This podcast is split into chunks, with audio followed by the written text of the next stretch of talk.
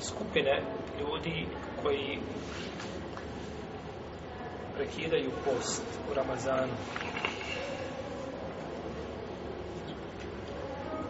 Ljudi u Ramazanu mogu biti u jednoj od tri kategorije. Skupina koja je dozvoljena da poste i da prekidaju post, to jest da ne poste. I skupina koji moraju postiti i skupina koju nije dozvoljeno da posti.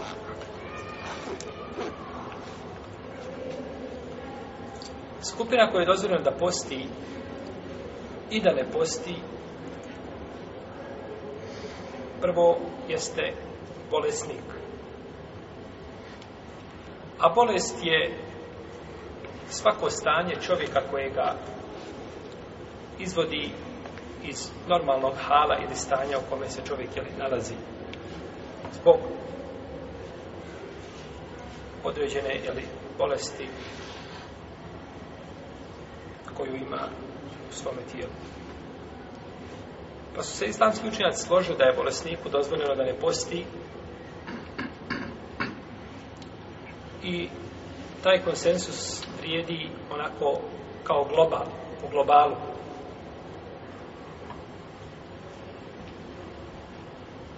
Uzvišeni Allah te barak tala kaže Umen kana meridan o ala seferin fe idetu mine jamin uhar. Ako bude bolestan ili bude na putu, pa neka isti broj dana napusti.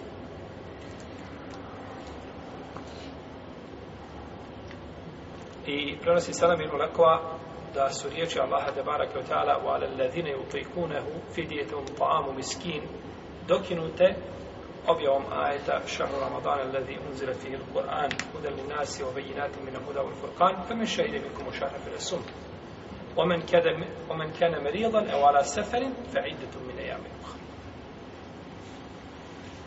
Znači, ko bude bio bolestan ili bude bio na putu, neka isti broj dana napusti.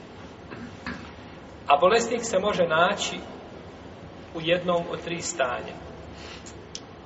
Prvo je da bude njegova bolest nešto što je neznatno, što se ne tretira u stvari bolešću koja bi uzrokovalo, uzrokovala znači e, e, ostavljanje posta. Kao na primjer da čovjeka boli zub, malo ga zub boli. Ili je blago prehlađen i slično tome, Znači, taj čovjek je da prekinuo post ništa. Ništa mu prekidanje posta neće donijeti posebno. Glavobolja, koju čovjek uvijek ima nekada tamo iz Ekindija, koji je puno radio, ili bio na suncu, ili ima nekakav ovaj, stres psihički. To malo koji dan da prođe do čovjeka ne, ne, ne pritisne malo glavobolja od onoga što vidi ili čuje ili ga snađe, tako? Pa to ne bi pomoglo ništa u čini. Znači, niti je dovoljan razlog da čovjek prekine post. Pa i ovoj skupini nije dozvoljeno šta da. Čovjek se malo posjekao. Koji je subhanallah. Mora prekinuti post. Dobro, prekineš post. Šta nakon toga? Za cijela rana? I da je za cijela, to te osnovi ne boli. Znači to nije razlog da čovjek prekine šta? Post. Druga je skupina da je čovjek bolestan i da mu je teško da posti, teško podnosi post, ali mu ne šteti. U prvoj skupini post svakako šta? Ne šteti. drugoj skupini ona je više bolesna i teško je postiti, naporno je postiti, ali mu ne škodi, ne šteti. Takvoj skupini je bolje da šta? Da ne posti, da prekine, da uzme za onakšicu. Čak neki kažu da je mekru da se posti u tom stanju. Jer je naporno čovjeku da posti. I treća skupina je čovjek kome post šteti. Šteti mu. Na primjer, mora da jede svako dva, tri sata Kao ljudi koji su iskušali sa šećerom i slično Ili čovjek mora da prima, znači, ovaj, određene terapije, da uzme ljekove, znači, periodično i ne može postiti zbog toga. I ako to ne čini, šteti sam se. Takvom je neispravno da posti, odnosno zabranjeno mu je bolje kazati, jer uzvišen je Allah te tala kaže, voda fusekom, nemoj nemojte sami sebe ubijeti. U protivnom, zbog čega su onda olakšice. Dobro, čovjek se boji bolesti. Plaši se, ako bude postio, da bi se mogao šta? Razboljeti.